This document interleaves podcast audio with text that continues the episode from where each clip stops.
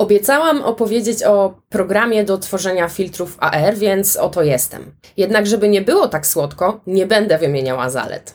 Opowiem za to o wyzwaniach, które zapewne nie jeden twórca będzie miał, hmm, przyjemność napotkać. Zaciekawiłam? Zapraszam do słuchania. Słuchasz podcastu Marketing o nowym wymiarze cyfrowego marketingu dla biznesów i twórców. Ja nazywam się Patrycja Skrzyniarz, a to o czym mówię możesz zobaczyć na własne oczy na moim Instagramie. Znajdziesz mnie pod nazwą Matka Sukcesu. Chcesz zgłębić poruszone tematy? Zerknij na linki pod odcinkiem. W poprzednim, drugim odcinku wspomniałam o mobilnym rozwiązaniu do tworzenia AR-u, czyli rzeczywistości rozszerzonej. Dzisiaj pochylę się nad nieco bardziej złożonym narzędziem na komputer. I żeby było ciekawiej, od samego początku wspomnę, że jest to produkt od Facebooka. Zapraszam na kilka rzeczy, które chciałabym wiedzieć przed włączeniem tego programu. Numer jeden. Mowa o AR Spark Studio. Chociaż po ostatniej aktualizacji raczej Meta Spark Studio. Nie przywiązujcie się więc zbytnio do nazw.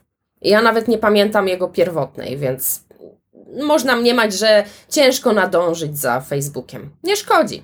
Jest nas więcej. Meta szczędzi przestrzeni. Każdy efekt na Instagramie musi mieścić się w 4 mega. Nie muszę wspominać, że to jest bardzo mało miejsca, nie? Więc zamiast spędzać czas nad konceptem, rozwiązaniem problemu klienta, to ja ślęczę po nocach, żeby to skompresować. A szkoda, bo wiele naprawdę wspaniałych konceptów z miejsca zmuszona byłam odrzucić. I to tak wiele razy, że aż boli serce. I to nie tylko to cyfrowe. Mój wewnętrzny aktywator przeżywa żałobę za każdym takim razem. Funkcje mają działać, ale nie działają? Spoko, to norma. Prędzej inny twórca znajdzie obejście tego problemu, niż meta poprawi swój błąd. No i nie musisz im przypominać co kilka lat, tak? Sama przy awarii, która trwała jakoś dwa tygodnie, znalazłam drogę do publikowania filtrów, chociaż inni twórcy utknęli, tłumacząc się klientom w trakcie kampanii sprzedażowych. Więc to już było grubo. AR Spark zapewni Ci zaangażowanie odbiorców. Co z tego, że cudem udało Ci się zmieścić cały efekt wraz z mechanizmem w te pieprzone 4 mega? Zawsze, ale to zawsze znajdzie się ktoś, kto napisze Ci, że u niego efekt nie działa. I to Ciebie o to obwinią. Facebook oczywiście umywa rączki.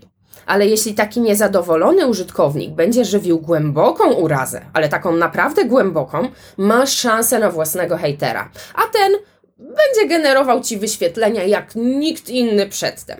Voilà, proszę bardzo. Spark rozwija się dynamicznie. W jednym tygodniu potrafi mieć kilka aktualizacji. Dobrze pomyślisz. No, kurwa nie. Mówiłam już, ile to ustrojstwo zajmuje miejsca na komputerze? Mam wrażenie, że z każdym kolejnym razem więcej.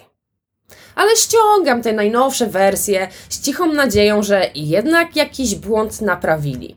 Że coś jednak zostało naprawione, poprawione. O święta naiwności!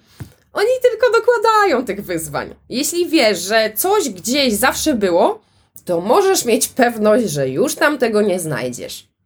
A potem, że filtry drogie. Co ja zrobię, jak żeby być na bieżąco, muszę śledzić każdy ruch platformy. Wasze szczęście, że przy okazji przydaje się to do innych materiałów, bo to jednak trochę tą cenę obniża. Przynajmniej u mnie. Tłumaczenia nas własnych wprowadzają cię w błąd? Norma. Szybciej nauczysz się po angliszu i wejście w skórę imigranta z UK będzie dla ciebie dostępne. Skancelujesz to, czy dodasz tam rektangla, wszystko będzie ok.